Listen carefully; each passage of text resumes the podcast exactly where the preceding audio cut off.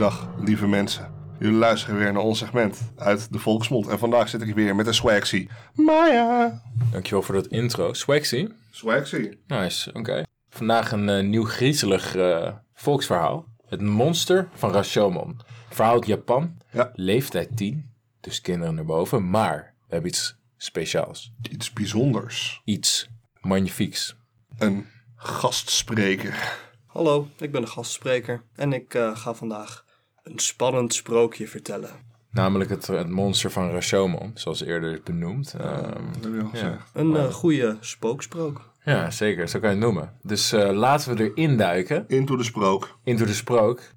Dit is het verhaal van het monster van Rashomon.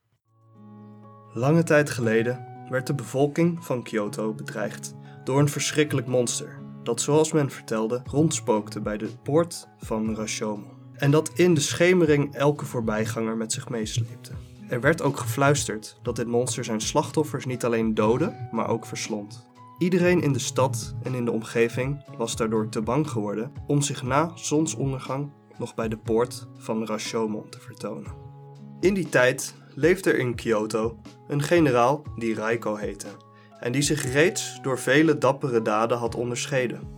Voor hij in de stad naam maakte, had hij in Oeyama een bende monsters verslagen, die mensenbloed dronken in plaats van wijn. Hij had hen alle uitgeroeid en hun aanvoerder onthoofd. Deze dappere krijger had een groep getrouwde samurai in zijn dienst.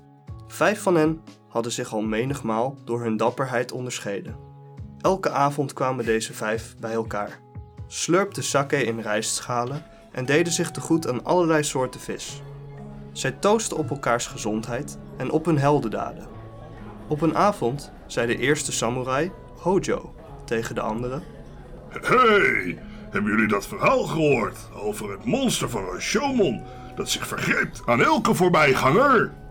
De tweede samurai, Watanabe, merkte droogjes op Ah, vertel toch geen onzin. Onze aanvoerder Reiko, die heeft toch immers alle monsters in Okayama al gedood. Het kan dus niet waar zijn, omdat mocht het een van de monsters het hebben overleefd, deze het niet in zijn hoofd zou halen om in de stad te verschijnen. Omdat hij weet dat onze dappere aanvoerder zich hier bevindt. Het is allemaal oude wijvenpraat, meende de derde samurai. En hij nam nog een flinke slok wijn, Het beste lijkt mij zei de vierde samurai. om de proef op de som te nemen en een onderzoek in plaatsen te stellen. Ja, dat zal ik wel doen. Zei Watanabe, voordat iemand anders nog iets had kunnen zeggen. Hij grespte zijn zwaard om, deed zijn wapenuitrusting aan en zette zijn grote helm op. Zo, moet je kijken wat een haast zeg. Wat is dit? Wat een haast, wat Ja. een haast, En dan gaat hij, hoor.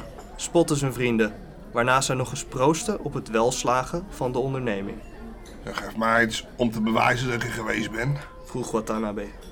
Een van de samurai ontrolde een stuk papier en daarop tekenden de vier achterblijvende kameraden hun namen, Ik zal het papier meenemen. zei Watanabe. en in de poort van Rashomon neerleggen.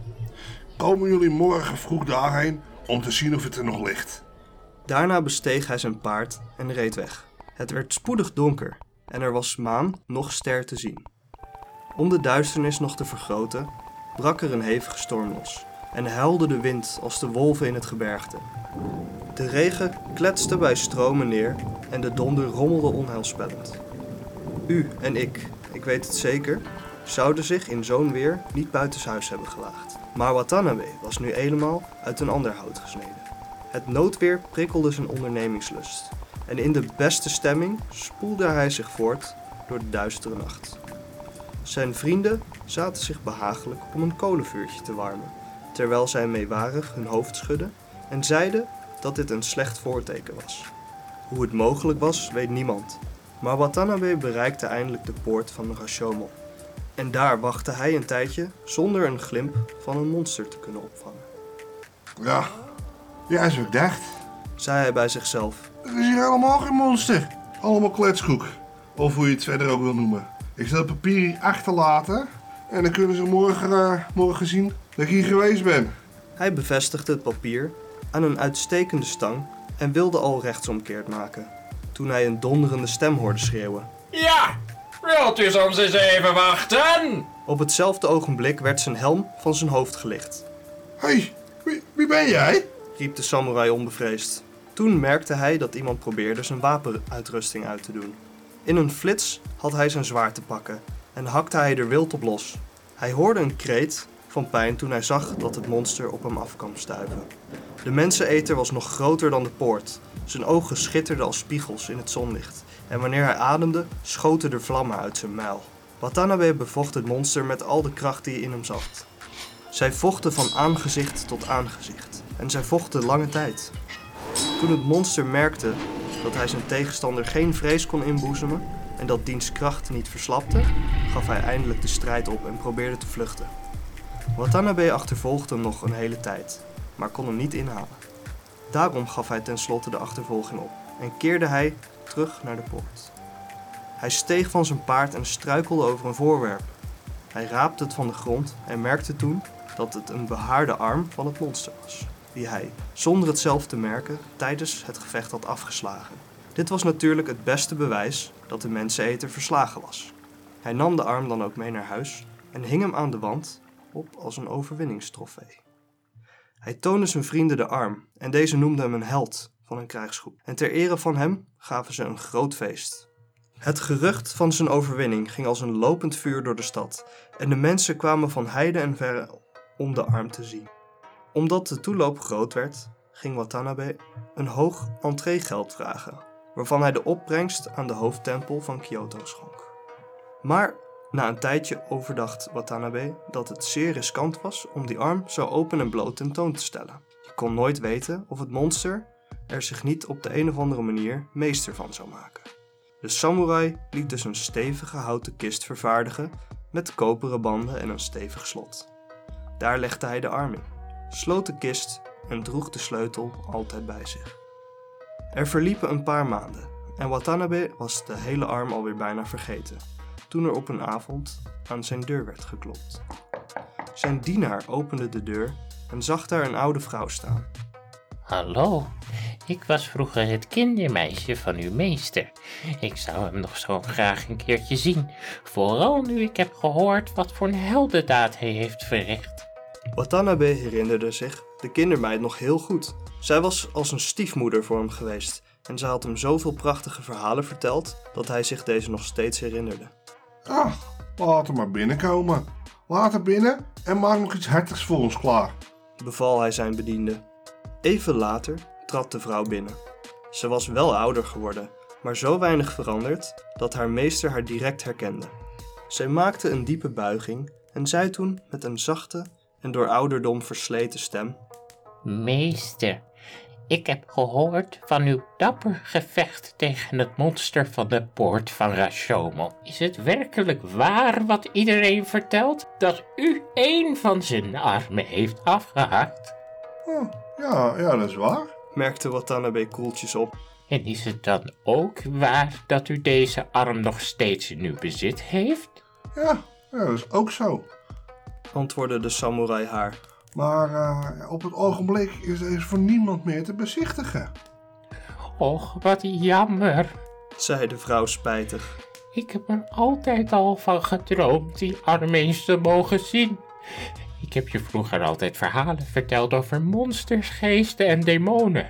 Maar, maar ik heb er nog nooit een gezien. Zelfs geen arm van hem. Daarom dacht ik... Ja, maar die arm die is er niet meer te bezichtigen. zei Watanabe vastbesloten. Maar waarom nou niet? Vroeg het vrouwtje. Omdat je nooit kan weten wat de monsters in hun schild voeren. Zou hij die arm weer in zijn bezit krijgen, dan zou die weer net zo sterk zijn als dat hij van tevoren al was. Ja, moet je eens luisteren, jongen, dat begrijp ik toch heel goed. Maar je kunt je oude kindermeisje dat hier speciaal voor is gekomen toch niet weigeren die arm te zien? Als er iemand is die veel van je gehouden heeft, dan ben ik het wel. Watanabe werd een beetje week om zijn hart, want zijn kindermeisje was inderdaad erg lief voor hem geweest. Ten slotte kon hij haar smeekbeden niet meer langer weerstaan en hij zei Maar weet je wat? Kom maar mee, ik zal je die arm wel laten zien. en hij bracht haar naar zijn studeervertrek. Daarna sloot hij de deur zorgvuldig, haalde een sleutel uit zijn zak en ontsloot de kist. Met een zucht van verwondering kwam de vrouw dichtbij en zei verrukt: Oh, laat mij het toch even goed zien. Wat een voorrecht dat ik dit mag beleven. Toch is het niet eens zo'n verschrikkelijk grote arm. Nee, het valt mij eigenlijk wel een beetje tegen. Toen greep zij de armbeet en veranderde op hetzelfde ogenblik in het monster tegen wie Watanabe eens gevochten had. De ogen schoten weer vuur en in zijn mel kwamen vlammen naar buiten. Met een afgrijzelijke stem, waarvan de muren dreunden, schreeuwde de menseneter.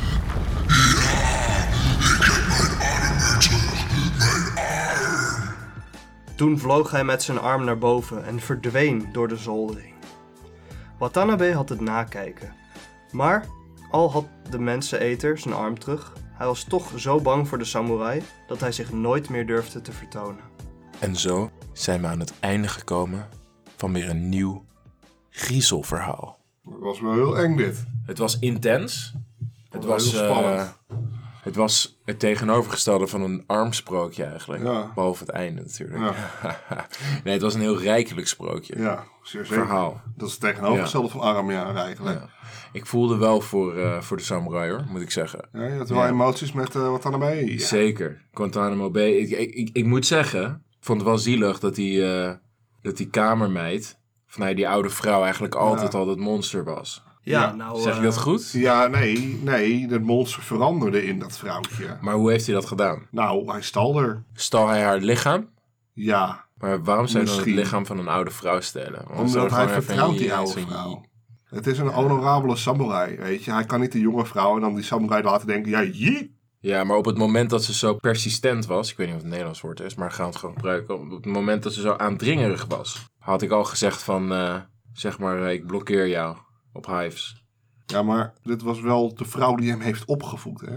Ja, ik kan ze nog zo, zo respect geven. En Je zo. zou toch ook niet zo je moeder op huis blokkeren? Ligt eraan. Ja? Het is nu alleen nog maar een gamesite, dus misschien wel eigenlijk. Oh. Zou je er ook ontvrienden op Facebook? Nee.